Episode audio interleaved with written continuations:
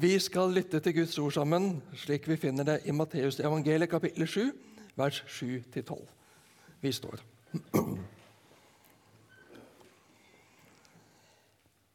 Be, så skal dere få. Let, så skal dere finne. Bank på, så skal det lukkes opp for dere. For den som ber, han får. Den som leter, han finner. Og den som banker på, skal det lukkes opp for. Eller hvem av dere vil gi sønnen sin en stein når han ber om et brød? Eller gi ham en orm når han ber om en fisk? Når selv dere som er onde, vet å gi barna deres gode gaver, hvor mye mer skal ikke da deres far i himmelen gi gode gaver til dem som ber ham? Alt dere vil at andre skal gjøre mot dere, skal, det skal også dere gjøre mot dem. For dette er loven og profetene.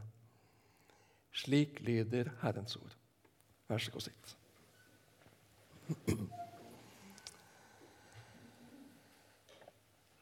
Jeg syns Jesus går høyt ut på banen. Jeg syns det blir litt store ord. Jeg kjenner at jeg må jobbe litt for å få det til å stemme med erfaringene som jeg har i virkelighetens verden. Det er jo flott. Be, så skal dere få. Let, så skal dere finne. Bank på, så skal det lukkes opp for dere. Men er det så enkelt? Jeg har bedt om så mye som jeg ikke har fått. Én ting alle kjærestene jeg ba om i tenårene, at jeg ikke fikk det, det var for så vidt greit sett ettertidens lys. For så vidt glad for det. Men hva med alle de syke som vi ba for, som ikke ble friske? Hva med alle de brutte relasjonene, hvor vi ba om at de måtte finne sammen igjen? Hva med all krig og nød og elendighet, urettferdighet og fattigdom? Jeg ber og ber, men det virker ikke til å skje noe som helst. Ja, vi kjenner på smerte. Ja, vi kjenner på sorg og skuffelse. Ja, vi står igjen med en god del spørsmål som vi ikke ser eller skjønner svaret på. Men klarer du likevel å se fars hjerte for deg? Ser du ham som vil at du skal komme til ham med alt du har på hjertet? Noen av oss har fått oppleve gleden og utfordringen med å være far. De fleste av oss har opplevd å ha en far, og forhåpentligvis en god far.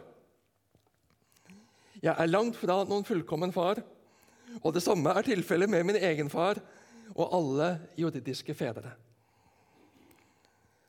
Noen ganger så tok sinne, frustrasjon og bekymring en slik plass at vi maktet ikke å se og møte barnet slik som vi skulle. Andre ganger var det alle andre ting som tok plassen, så en ikke hadde tid, den tid en skulle, til barnet. Men Jesus legger jo ikke lista veldig høyt her, da. Hvem av dere vil gi sønnen sin en stein når han ber om brød? Eller gi ham en orm når han ber om en fisk? Det forstår jeg, og der er jeg med. Vi kan tulle, vi kan lure barna på en erten og godmodig måte. Men ingen far er vel så ondskapsfull at den gir et sultent barn stein i stedet for brød eller en orm når barnet ber om en fisk. Da er det kanskje ikke så ofte at en opplever at barn ber om fisk, det jeg så, men en farlig orm, eller i hvert fall uspiselig orm, det er ikke noe vi gir barna i stedet for mat. Det gir mening. Det forstår vi. Vi er ikke så dumme, vi er ikke så sjofle. Det får da være grenser. Når selv dere som er onde, vet å gi barna deres gode gaver, hvor mye mer skal ikke da deres far i himmelen gi gode gaver til den som ber ham? Nei, du får ikke alt du ber om. Jeg kan ikke gi deg alt du ønsker deg. Det er ikke fordi jeg ikke er glad i deg, men fordi det ikke vil gjøre deg godt. Ungene kan ønske seg godteri og leker og fornøyelsesparker, men barnet blir ikke sunt og friskt og motstandsdyktig og vil ikke evne å møte livets virkelighet om det bare føyes i det som en intuitivt ønsker. Ja, men det er jo gode ting jeg ber om.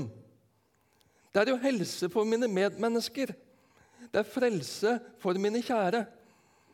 Det er jo ting etter Guds vilje, er det ikke? Barnet evner ikke alltid å forstå hva som er godt for det. Foreldrene må ta bestemmelser som går imot det barnet ber om, maser, ja, trygler om, for barnets beste. Jeg evner heller ikke å se like langt som Gud ser. Jeg delte med det nye styret som konstituerte seg på mandag, noe fra morgenandakten min den dagen, fra Jesaja 55. Der leser vi om at Gud kaller til omvendelse inn i sin barmhjertighet og tilgivelse når han sier For mine tanker er ikke deres tanker, og deres veier er ikke mine veier. Som himmelen er høy over jorden, slik er mine veier høyere, høyt over deres veier, og mine tanker høyt over deres tanker.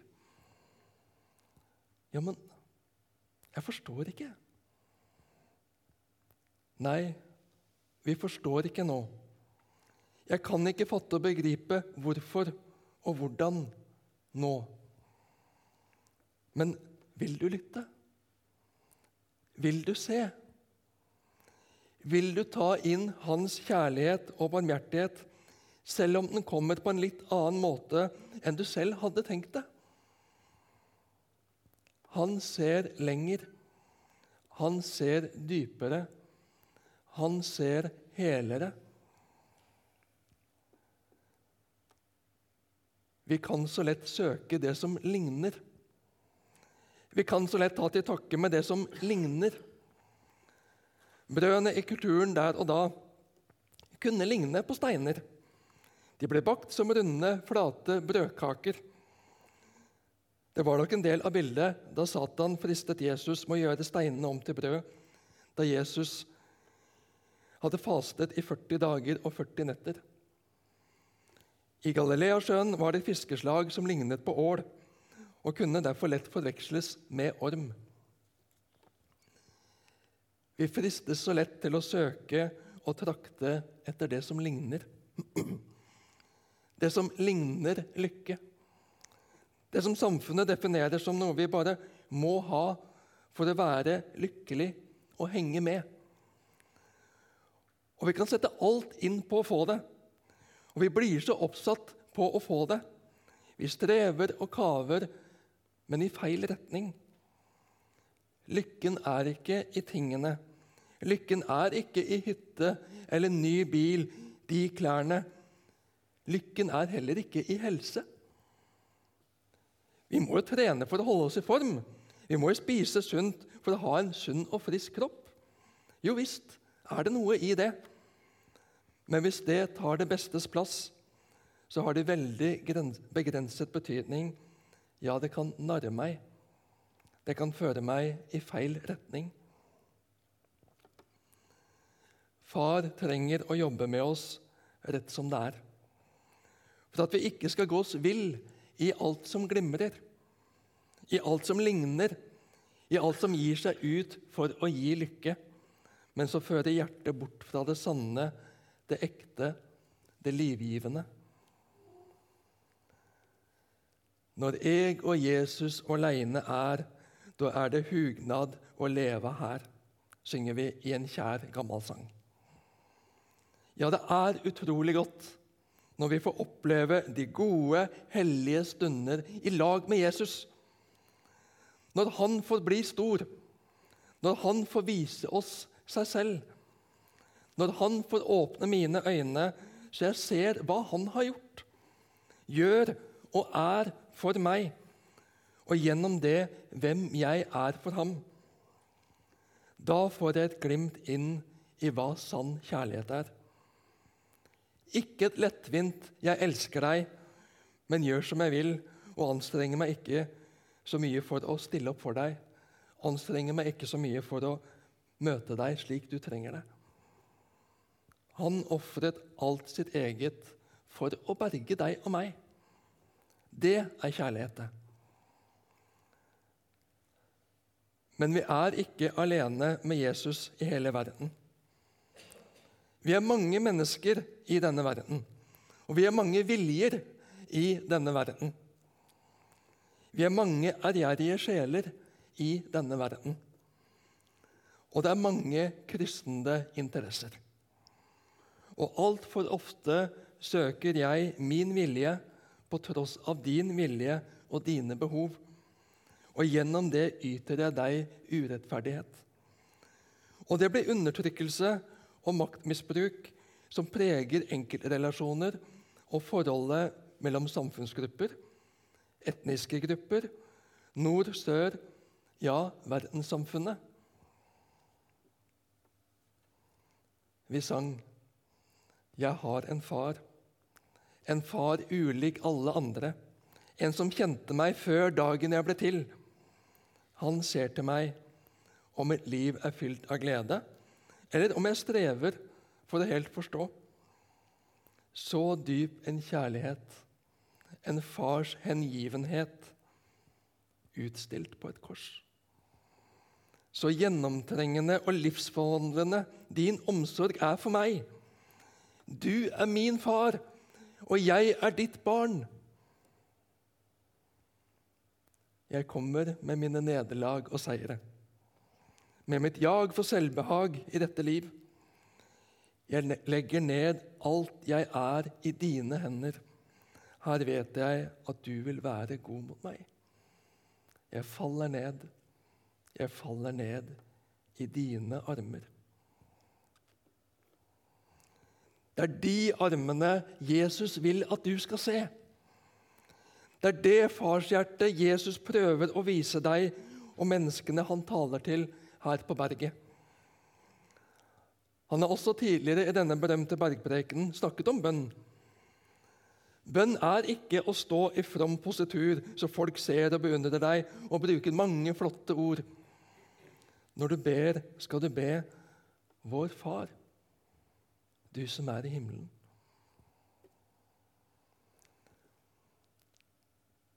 Vi vil oppnå, vi vil fortjene, vi vil prestere, vi vil imponere. For vi tror at da vil vi bli sett. Da vil vi bli respektert. Da vil vi bli aktet. Nei, kjære deg, slapp av. Du skal slippe alt det der. Det er bare å slite seg ut. Hvordan tror du at jeg er? Hva slags bilde har du av meg? Jeg er far. Jeg er pappa.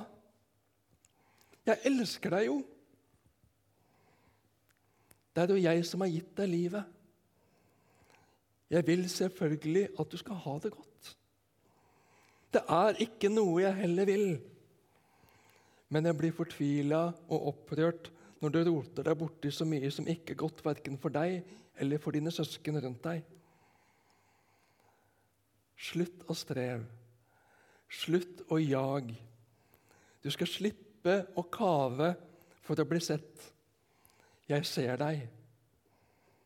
Ja, jeg har kontroll på hvert et hårstrå på hodet ditt. Jeg kjenner tankene dine. Jeg kjenner bekymringene dine, uroen din, Øs det ut til meg. Kom med det alt sammen. Du behøver ikke å holde igjen. Du behøver ikke å lete etter de rette ordene. Del hjertet ditt med meg. Be, så skal dere få. Let, så skal dere finne. Bank på, så skal det lukkes opp for dere. Det er jo det jeg vil. Komme nær deg. Vil du slippe meg nær deg, barnet mitt? Det er lite som smerter en forelder mer enn et barn som lukker seg inne i seg selv, som ikke vil fortelle, som er innbitt, som er avstemt, lukket og kald. Barnet mitt, jeg vil så gjerne nå inn til deg. Jeg vil så gjerne hjelpe deg. Jeg vil så gjerne ta meg av deg, bære deg.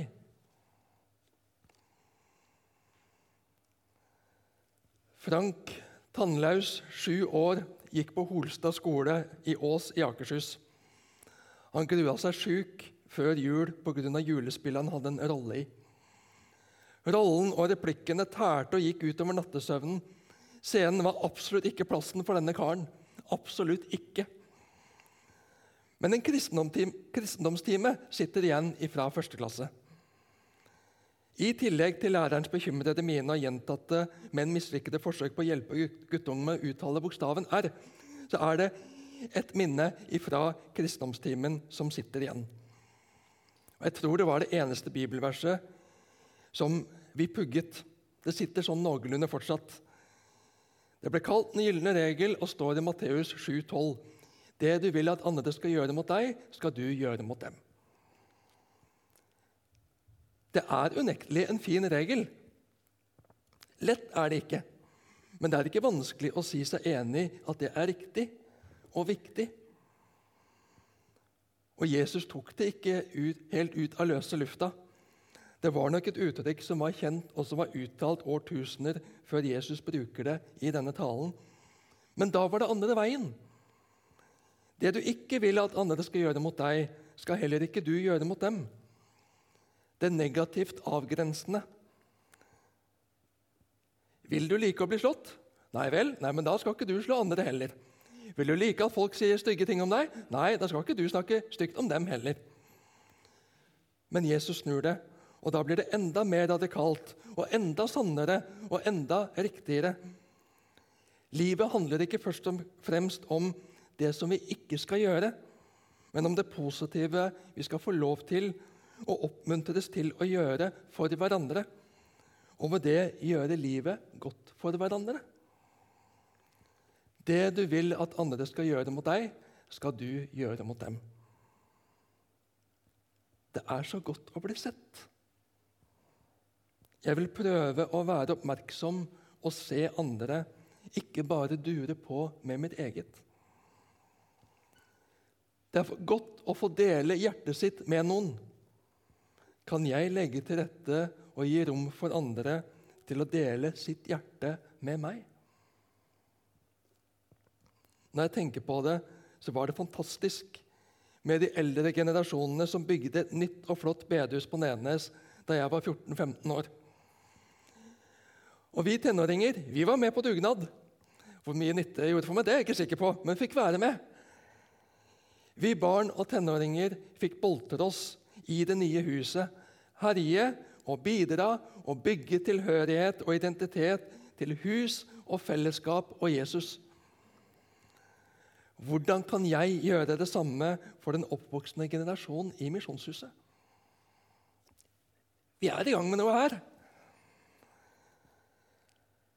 Våre forfedre emigrerte til Amerika da det var vanskelig å skaffe seg noe å leve av her til lands for 150 år siden og de fikk muligheter til å jobbe og tjene og bygge seg opp.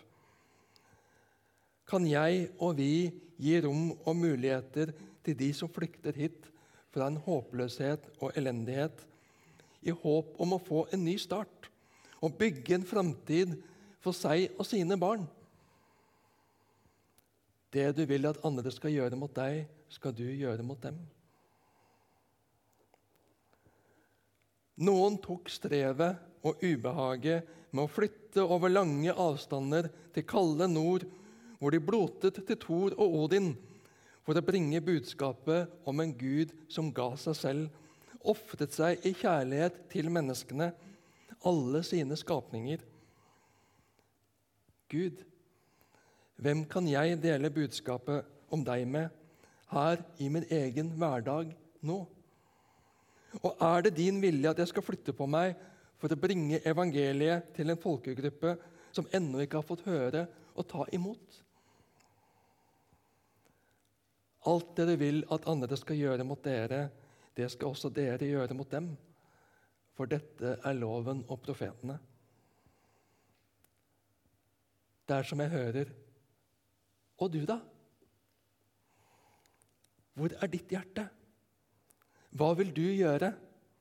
Hvordan er ditt hjerte for dine medmennesker? Hva vil du gjøre? Hører du bønnene? Ser du dem som leter? Er du stille så du hører dem som banker på hos deg?